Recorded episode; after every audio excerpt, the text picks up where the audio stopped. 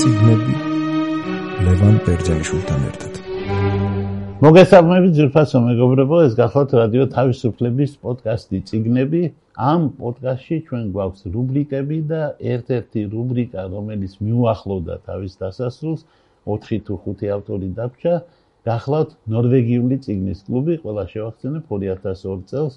ნორვეგიელმა წიგნის კლუბმა მოიწვია მსოფლიოს საუკეთესო მწერლები 66 ქვეყნიდან მწერლები, ლიტერატურაცოდნები, ნობელის ლაურეატები, ბუკერის ლაურეატები, უბრალოდ კარგი მწერლები 66 ქვეყნიდან 100 მწერალი, ასე შეიქმნა ნორვეგიული წიგნის კლუბის სია, რომელშიც ზუსტად 100 წიგნი გახლავთ და ერთ-ერთი ასეთი წიგნი არის ვირჯინია ვულფის წიგნი გზა შუქურისაკენ. ან უბრალოდ შუქურისაკენ.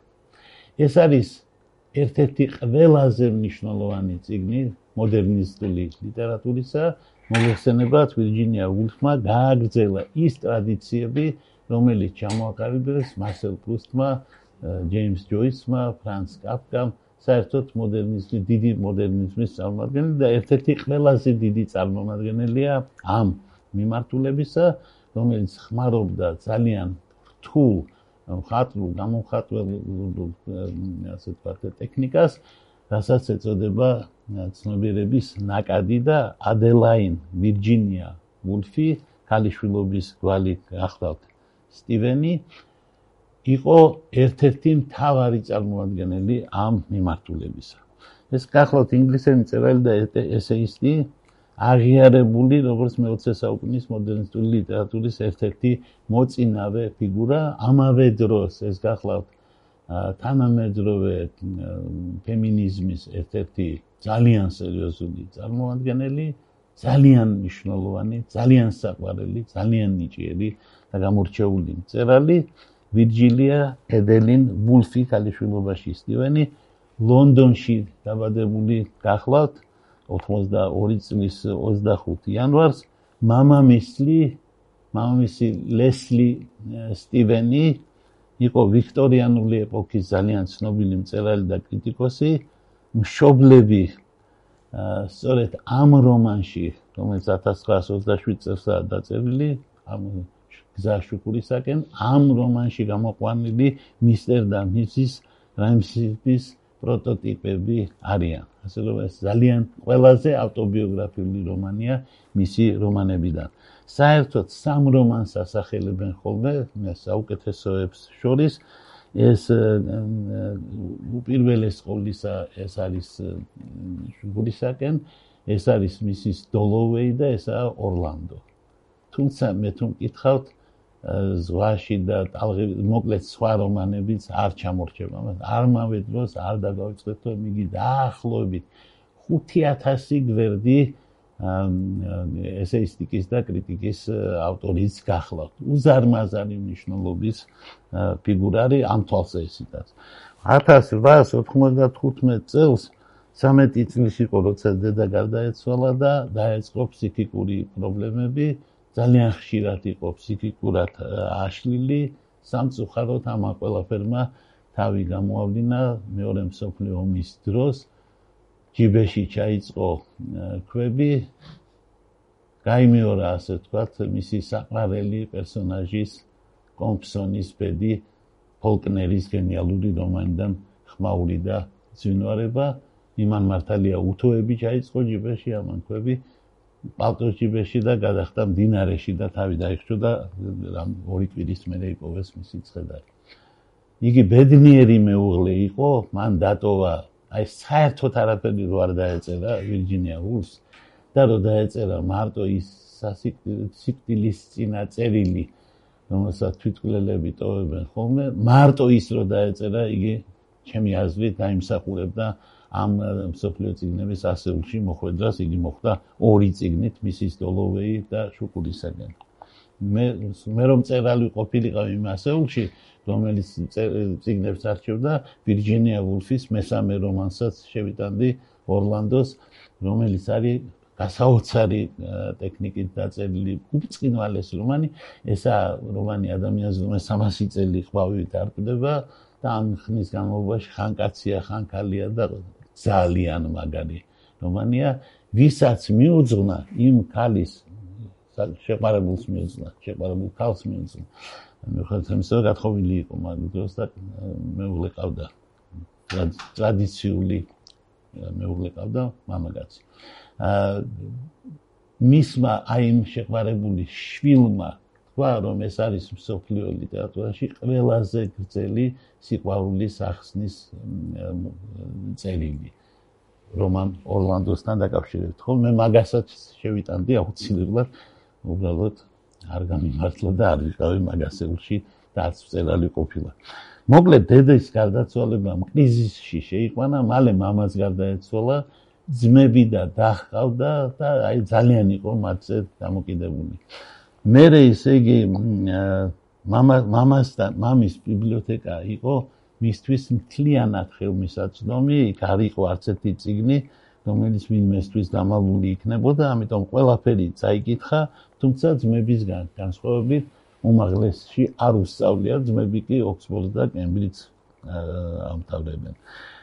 როდესაც მამაც გარდაიცვალა, ეს მოხდა 1904 წელს, ამის შემდეგ ვირჯინია დასთან და ძმებთან ერთად ცხოვრობდა წერდა Times-ის ლიტერატურული დამატებისთვის და უზარმაზარი მასალა შეიქმნა წერლობაზე მის მიერ დაწერილი. განსაკუთრებით საინტერესო არის მოდერნისტული ლიტერატურის მისეული შეფასებები. იგი ყოველთვის იყო ძალიან დაინტერესებული ასე ვთქვათ ხელოვნების სხვა დარგებით არა მარტო წერლობით იყო ამავე დროს ქალთა უფლებების დამცველი მას დამთავრებული ჰქონდა ლონდონის სამეფო კოლეჯი, წერდა დრამას, წერდა პროზას. გზაშუქურისკენ მისის დოლოვე და ორლანდო და ოთახი, ესენი ითვლება მის საუკეთესო ნაწარმოებად, მის მეუღლეს ეთქვა ლეონარდ ვულფი, მან მისცა გვარი და მან მისცა მთელი სიცოცხლე ემსახურებოდა თავის ავტყო მეუღლეს. ეს იყო იდეალური ქმარი, ეს იყო იდეალური ქორწინება. მიუხედავად იმისა, რომ ამ ქორწინებაში ნებადართული იყო ქალისთვის ნებადართული იყო საყვარლები, მათ შორის მისივე სქესის საყვარლები, ახლა წარმოიდგინეთ რა რა სიყვარულის და რა გაგებით რა წარმოდგენების კაცი ყოფილა ლეონარდ ვულფი. აა ამავე დროს უნდა ითქვას, რომ დიდი მწერალი ვიტა სეკვილ უესტი იყო მისი საყვარელი იმ მომენტში, როდესაც ვირჯინია ვულფი და სეკვილ ვესტი საყვარლები იყვნენ, სეკვილ ვესტი უფრო დიდ მწერლად იყო ცნობილი. ახლა ეს რა თქმა უნდა ასე არ არის. ვირჯინია ვულფი უაღრესად პოპულარული იყო 20 წლებში, შემდეგ მისი პოპულარობა ჩაცხრა, მაგრამ მეორე მსოფლიო ომის შემდეგ და განსაკუთრებით 60-იანი წლების შემდეგ ვირჯინია ვულფის პოპულარობა გაიზარდა იმდენად, რომ ეხლა არავინ არ ეჭვობს, რომ იგი იქ იმ ადგილასა, როდესაც ამბობენ მოდერნისტი მწერლები, ინგლისურენოვანი მწერლებიდან აუცილებლად ორს ასახელებენ, ეს გახლავთ ვირჯინია ვულფი და ჯეიმს ჯოისი. ანუ ინგლისელებმა არ დატოვეს თანამედროვე ლიტერატურა ირლანდიელი ავტორის იმედად, როგორც წესი, მასთან ერთად, ჯოისთან ერთად ვირჯინია ვულფს აუცილებლად ასახელებ. ამავე დროს ვირჯინია ვულფის სახელმა ხელახლა გაიელვა და სხვა შორის პიესა, რომელსაც ქვია ვისეშინია ვირჯინია ვულფის, მერე ფილმიც იყო გადაღებული, ამ პიესამ თვითონ ვირჯინია ვულფიც დააბრუნა, რომელიც მაგბროისთვის 60-იანი წლებისთვის ცოტა მივიწყებული იყო. კემბრიჯის უნივერსიტეტის კურსდამთავრებული ლეონარდ ვულფი ჩამოვიდა ცეილონიდან. ეს იყო მისი საქმრო და გააფრთხილა წინასწარ გააფრთხილა მამაკაცთან სექსის მიმართ ცუდი დამოკიდებულების შესახებ. ვირჯინია მას ცოლად გახვა და რამდენადაც ცნობილია კაცთან არასოდეს არ ქონია სხვა კამ მამაკაცთან საქმე არ ქონია. ვირჯინია ვულფი დიდი მწერალია. და თვითონ ეს ტექნიკაც მას რაღაც სხვანაირად აქვს გამოყენებული. გაცილებით უფრო ადამიანური ცნობიერების ნაკადია ვიდრე ჯოისთან ვირჯინია ვულფის ციგნს არ ჭირდება ამ ციგნის ხელა კომენტარები. მოკლედ ეს რა თქმა უნდა ცნობიერების ნაკადია, მაგრამ ამ ცნობიერების ნაკადში ისეთი ბევრი არაფერი წერია, რის გამოც ან ვიკიპედიაში უნდა გაიქცე, ან ცალკე წიგნი იყიდო, რომ ჯოისის წიგნები გაიგო.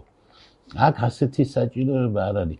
იგი როგორც წესი კომენტარების გარეშე გამოიცემა ხოლმე, თუმცა მე რო ყოფილიყავ მაგალითად 1 2 3 4 კომენტარს აუცილებლად დავხვდავდი, იმიტომ რომ რთული მინიშნებები არის ხოლმე ისეთ ლიტერატურაზე, რომელსაც შეიძლება მკითხველი არ იცნობდეს ან ვერ იცნოს.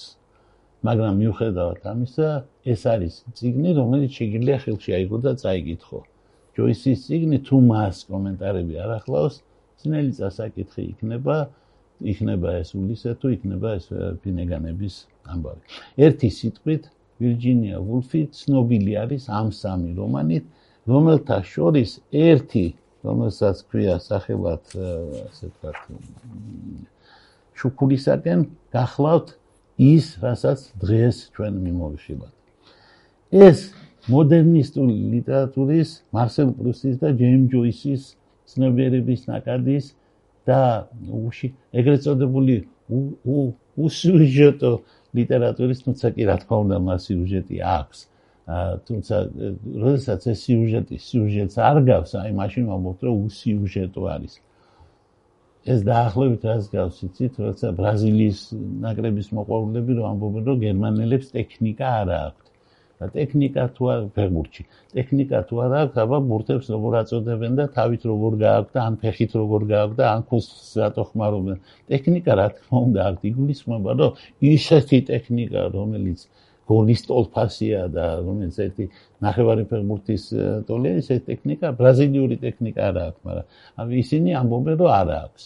ზუსტად ასე შემიძლია ვთქვა, რომ მარსელ პრუსტის და ჯეიმ ჯოისის ტექნიკის განმავითარებელი არის, მან უფრო მაღალ დონეზე აიყვანა ვიდრე ჯოისმა მაგალითად ცნობიერების ნაკადი. ამიტომ ვერ ვიტყვით რომ სიუჟეტი არ აქვს, სიუჟეტი ყველას აქვს, რა თქმა უნდა, თუმცა ეს სიუჟეტი ისეთი არ არის, როგორც მაგალითად ბალზაკის ან კლასიკურ რომანებში იქნებოდა. ამიტომ სიუჟეტის მიხვეულ მოხმეულობა, რომელიც არის რომანის ერთ-ერთი მთავარი და ძირითადი ამბავი, საიდუმლო და ასე შემდეგ, ეს ყველაფერი არის ყველა გვერდზე და არა ერთ ადგილას დამაბული, როგორც ამას გააკეთებდა რომელიმე ძველი კლასიკოსი წერალი. ამიტომ შეგვიძლია ვთქვათ, რომ სიუჟეტი მასთან არის, მაგრამ იგი არის მეორეული ფილოსოფიურ განწყობასთან და ფილოსოფიურ მსჯელობასთან შედარებით. ეს არის ერთი დიდი ფილოსოფიური მსჯელობა იმაზე, თუ არის თუ არა მიწვდომადი იდეალი, რომელიც აქ შუქურის სახით იქნება გამოხატული. კრიტიკოსები განიხილავენ როგორც მრავლობითი ფოკუსირების რომანს. ანუ ამ რომანში არის მრავლობითი ფოკუსირება. ანუ ბევრ ადგილას, აი რომ წარმოვიდგინოთ, რომ ეს არის რაღაცა საგანი, ხო? მასთან ბევრ ადგილას მიახლოება ხდება მიკროსკოპით და ხდება მისი გადიდება და ფოკუსი აი ამ მოვლენაზე, მაგალითად, აი ამ ადენ აქ უამრავი ბავშვია ეს არის რა რა აი ძირითადად სიუჟეტი არის ის რომ ბავშვებს ძალიან უნდათ მეზობელ კუნძულზე არსებული შუქურის მონახულება, მაგრამ ამისთვის საჭიროა რომ იყოს კარგი ამინდი, რომ გადაცურონ და იქ მივიდნენ. და არ არის ხოლმე ეს ამინდი და მრავალწლიანი ცდელობის შემდეგ, როდესაც უკვე დედა აღარ არის, მაგრამ мама ჯერ კიდევ ცოცხალია, ისინი მიაღწევენ ამ კუნძულზე და ნახავენ იქ მცხოვრებ ხალხს და იმ შუქურას, რომელსაც ის ცხოვრები ოჯახი ემსახურება. სულ ეს არის სიუჟეტი, მოკლე შინაარსი ეს არის. ამიტომ დანარჩენზე უნდა მოგახსენოთ რაზე ხდება მსჯელობა. მოკლედ, ძალიან ბევრ რამეზე და ბევრ ვინმეზე ხდება ფოკუსირება. და კრიტიკოსებმა ეს განსაკუთრებით აღნიშნეს, რომ ეს არის მრავალფოკუსიანი ნაწარმოები. მე ვიტყოდი, რომ დოსტოევსკის გავლენა იგრძნობა აქ იმ თვალსაზრისით, რომ ეს არის მრავალხმიანი როგორც დოსტოევსკის კლევარმა ბახტინმა თქვა, პოლიფონიური ნაწარმოები. ბახტინთან ბევრი ხმა ისმის, ანუ ბევრი პერსონაჟი არის რომანი. თუ კი მე ლევან ბერძენიშვილი დავწერდი 5 რომანს ან 10 რომანს, დოსტოევსკიმ ერთი დაწერა და ამ ერთში ჩემნაირი მწერლების და თავისნაირი მწერლე თვითონ რაც იყო უფრო ადრე სანამ ამ იმ წერლის 10 მაგი რაღაცა გააკეთა 10 ხმა გაგვაგონა და პოლიფონია და ვინაიდან ჩვენ ქართველები პოლიფონიის ლამის პატრონები ვართ და პასუხისგებლები რა ხარ გვაქვს წინვალე ბურდონული პოლიფონია და სპეციალისტიც ამ პოლიფონიის იოსებ ჯორდანიამ სოფლიოს ყველაზე მთავარი სპეციალისტი პოლიფონიაში ქართველი კაცია ამიტომ რაღაცნაირად ჩვენ ყოველთვის გულშემატკივრობდით დოსტოევსკისაც პოლიფონიურ რომანებს და გულშემატკივრობთ მრავალ ფოკუსიან, ანუ პოლიფონიურ რომანს. უბრალოდ იქ ხმები ისმოდა ავტორი ალაპარაკებდა იმ ხალხს და აქ იმ ხალხის პირით მოდის ცნობიერების ნაკადი. რომელიც სხვა შორის ტოლსტოის და დოსტოევსკის გამოგონება არის, თუ ვინმეს ეჭვიებარება, წაიკითხეთ ანას სიკტილის ეპიზოდი, სადაც ანა ცნობიერების ნაკადით. ხო, რაც შეეხება დოსტოევსკის, მისი უკანასკნელი შემოქმედებითი შედევრი, რომელიც ასე თქვა, პატარა მოთხრობა გახდა, თლიანად დაწერილია ამ ტექნიკით. ფოკუსირების გარდა უნდა აღინიშნოს, რომ ეს არის რომანი, რომელშიც ფაქტობრივად არ არის დიალოგები. იცით, კაცობრიობის ისტორიაში არსებობს ნაწარმოები, რომელშიც ფაქტობრივად მხოლოდ დიალოგებია, თუ გუნდის პარტიას არჩევთ, ეს არის მედია. სადაც მედია აუცილებელი მონაწილეა დიალოგის და იქნება ძიძა და მედია. ეგევსი და მედია, იასონი და მედია პირველი, იასონი და მედია მეორე, იასონი და მედია მესამე, კრეონი და მედია დამთავრდა მედია ტრაგედია. მარტო დიალოგებია, აქ საერთოდ არ არის თითქმის დიალოგები და რაც თავარია, არ არის პირდაპირი მოქმედება. აი უბრალოდ არ არის აღწერილი რაიმე მოქმედება, რომ კაცი გამოვიდა, შევიდა, გამოაღო კარი, ასეთები არ წერია. არამედ არის მხოლოდ ძიდი ნაწილი არის განს დაკვირვება და განსჯა. დაკვირვება და განსჯა. ერთხელ მარსელ პრუსტმა თქვა ასეთი რამ.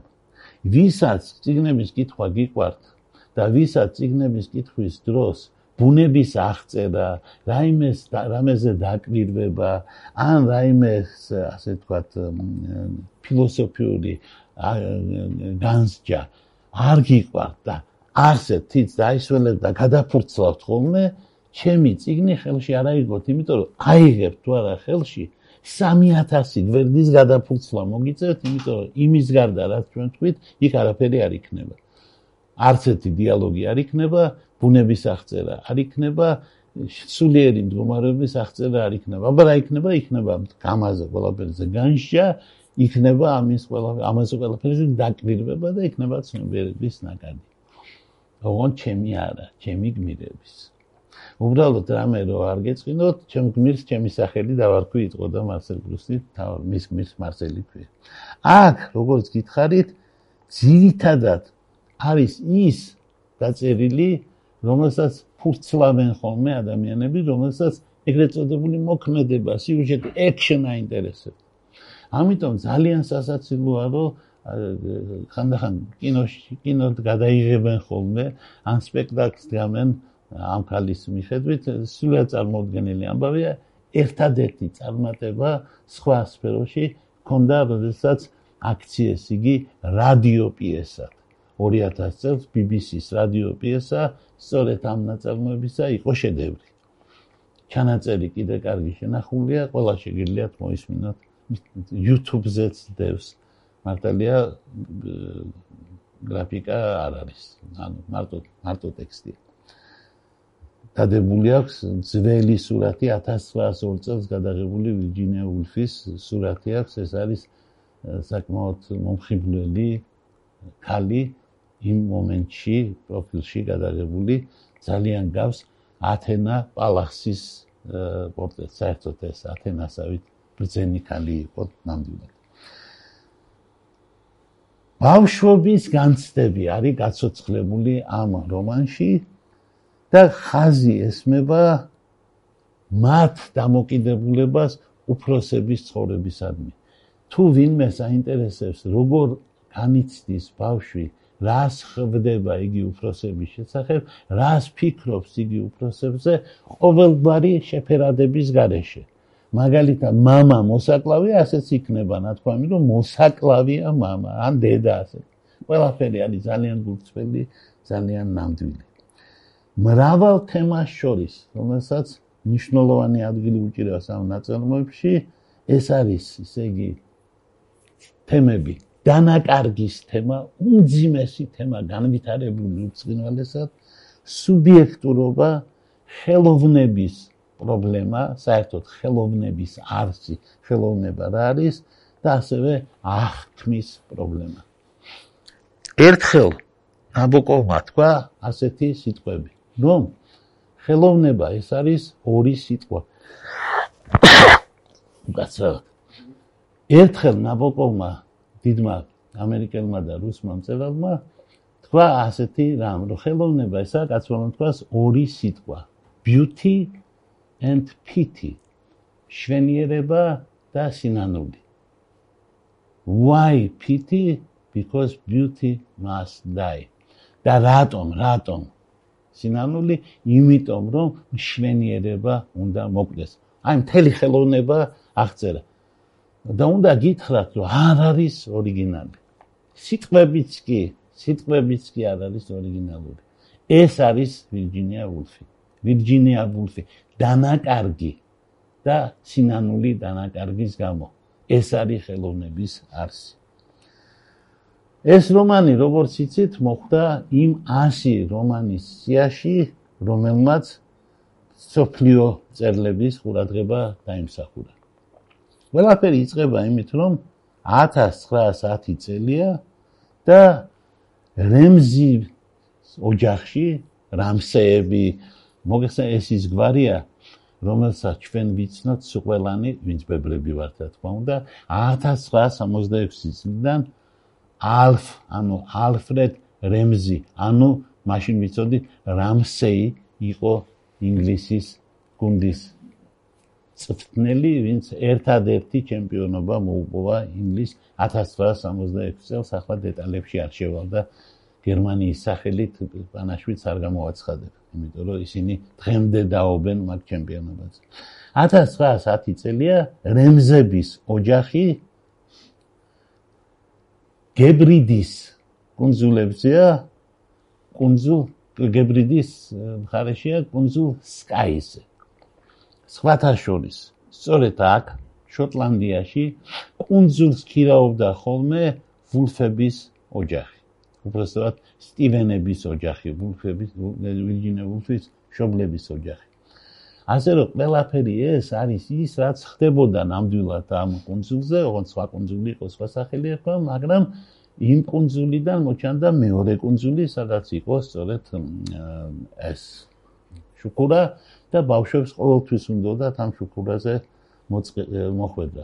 რომანი იწყება მისის რემზის სიტყვებით, რომელიც თავის შვილს ჯეიმს არწმუნებს, რომ ისინი ერთხელაც იქნებიან და ცურვით მიადგებიან ამ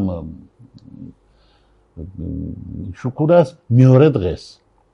და мама მაშინაც იტყვის საშინელ სიტყვას არ დაეთანხმება და იტყვის ეს შეიძლება მოხდეს მხოლოდ იმ შემთხვევაში თუ ამინდი იქნება და ამინდი ხვალ კარგი არ იქნება და мама ყოველთვის როცა ამინზე რამე სიტყვის ყოველთვის აღმოჩნდება ხოლმე მართალი და ბავშვების ოცნება რომ მოხდნენ კონძულზე სადაც დგას ეს შუქურა არასოდეს არ სრულდება ეს რომ мама არ ეთანხმება დედას, ქმნის გარკვეულ დაძაბულობას ცოლქმარ შორის, მისტერ და მისის რემზებს შორის, ასევე რემზი მამასა და ჯეიმს რემზი შვილს შორის. ეს პატარა ეპიზოდი სხვადასხვა ფოკუსით, სხვადასხვა კუთხიდან მრავალგზის იქნება მთელი ამ პირველი ნაწილის განმავლობაში ფოკუსირებული, მომეს სხვა სხვა ფოკუსით იქნება წარმოქმნილი, განსაკუთრებით ცოლ-ქმარ შორის არსებული ურთიერთობის ასახვით. როგორც გითხარით 13 წლის იყო ბავშვი ვირჯინია ვულფი დედა რო გარდაიცვალა ცოტა ხანში მამაც გარდაიცვალა აი მამასა და დედას შორის ურთიერთობა იმ სიღრმით როგორც ეს რომანში აღწერილი როგორ დაინახა 12-13 წლის ბავშვმა ეს საოცრება არის. ამაზე ბევრი წამიკითხავს და ზოგიერთი ამბობს რომ არა არ დაუნახავს ვერ დაინახავდა. რეკონსტრუქცია გააკეთა შემდგომში გადაიაზრა.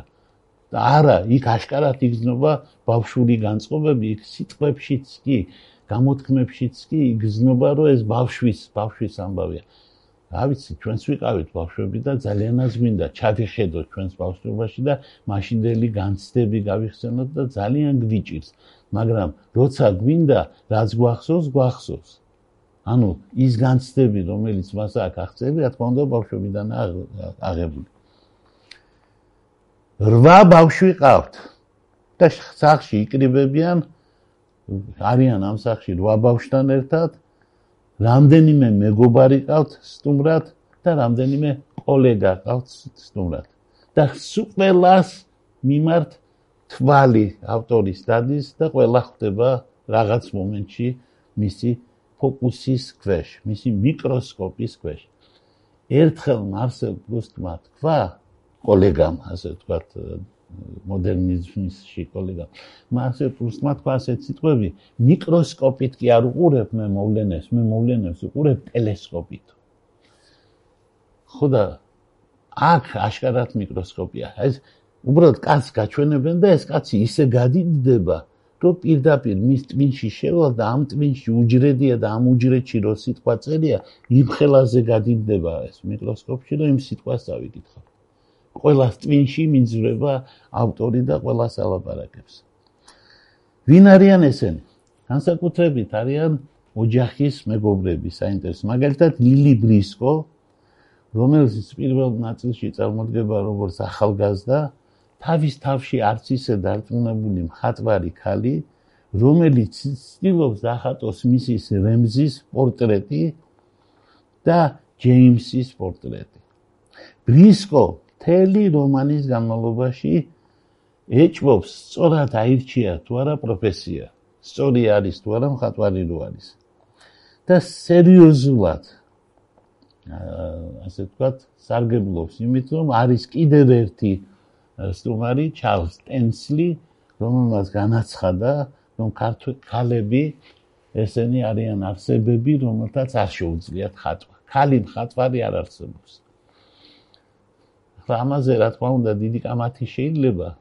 მე მაგალითად აპოლინერის მუზას მარი ლორანსენს შევახსენებდი შესანიშნავ ხატვას მაგრამ რა თქმა უნდა მათაც ექნება თავისი არგუმენტები რომ მარი ლორანსენი რა ვერმერიაო მკითხავენ თუ მაინდა მაინცა მარსელ პრუსტის ასე თქვა საყვარელ ხატვარზე და ვინმე სხვა ხატვებს იტყვე მაგრამ ასეა თუ ისე ეს საკითხი ამ რომანში სერიოზულად დგას.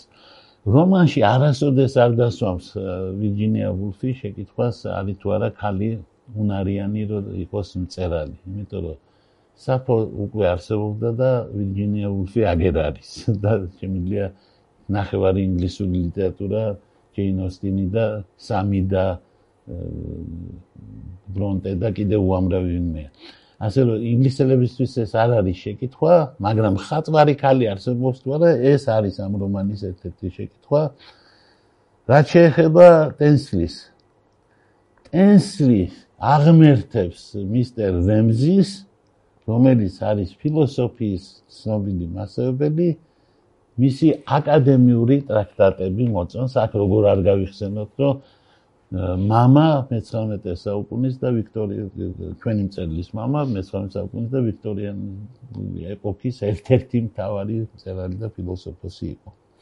პირველი ნაწილი სხვა შორის მთავრდება დიდი სადილით, რომელზეც პოეტი ავგუსტ კარმაიკლი ითხოვს, რომ კიდევ ერთი ულუფა სუფი დაუსხან და ამის გამო მისტერ რემზი თითქმის თავდასხმას განახორციელებს მასზე მისის რემზის ვერაფრით ვერ ისვენებს სანამ რაღაცები არ მოხდება რა შეეხება მეორე ნაწილს მეორე ნაწილში დრო არის გასული და ყველაფერს ხედავთ ახლა სულიად ახალი ფოკუსით, დროის ფოკუსით შეიცვალა. სივცე იგივეა, დროის ფოკუსმა ყველაფერი შეცვალა. ამას აღარ მოყვები, იმიტომ ამის მოყოლა აბსოლუტურად შეუძლია. თუმცა ვიტყვი, საიდუმლოდ არ დავტოვებ, რომ არსებობს მესამე ნაწილიც და მესამე ნაწილი არის თვითონ შუქურა. ბოლოს და ბოლოს ყველა კი არა, იმიტომ რომ დრო გავიდა, ვიღაცა წავიდა, ვიღაცა გათხოვდა, ვიღაცა ცოლი მოიყვანა, ყველანი ადგილზე არ არიან. ყველანი ადგილზე არ არიან, მაგრამ ეს არგონავტების ლაშქრობა შუქურაზე ეს ოქროსაწმისისკენ გამგზავრება მაინც მოხდა და რა და როგორ დამთავრდება ამის შესახებ კითხველი თვითონ გაერკვევა. ჩვენ გვაქვს ქართულად ეს თარგმნილი აი მაქსიმალურად კარგად. მაქსიმალურად კარგად, იმიტომ ვამბობ, რომ ფაქტობრივად ამ მწერლებმა მარსელ პრუსტმა ჯეიმს ჯოისმა, ვირჯინია ვულფმა, უილიამ ფოლკნერმა, მოკლედ, მაგალ თომას ვულფმა, მაღალი მოდერნიზმის უდიდესმა წარმომადგენლებმა, რომელსაც შორის ორი ვულფია, კაცი და ქალი, ყველაფერი იქნეს იმისთვის, რომ მათი ნაწარმოების თარგმნა შეუძლებელი გაეხადათ. ამიტომ ყველა, ვინც ამას ხელს მოკიდებს და რამე დონეზე თარგმნის, ყველა იმსახურებს ლიტერატურის გმირის ორდენს. აი ფრანგებს ხო აქვს საპატიო ორდენის კავალერები და მთელი ინსტიტუტია, სადაც გახდები კავალერი, მე გახდები ოფიცერი, მე გახდები უფროსი ოფიცერი. და კიდე მოკლედ დიდი გზა გაქვს გასული, მთელი ინსტიტუტი მუშაობს. 4 დიდი შენობა აქვს. სტუნდათ ვიყავი ამას წინათ წინაგვირა სხვა ჩვენს მაგ ინსტიტუტში. მოკლედ ამ ასეთი უნდა არსებობდეს მე მგონი თარგმნელებისთვის, რომლებიც ვირჯინია ვულფს და ჯეიმ ჯოის მოკიდებენ ხელს. ასე რომ ჩვენი თარგმნელები ნამდვილად ქებას იმსახურებენ ეს ნაწარმოები ვისაც წაკითხული არა გურამ დოჩანაშვილის სიტყვებით რო ვთქვა მოსალოცი ამბავია დიდი მადლობა ყურადღებისთვის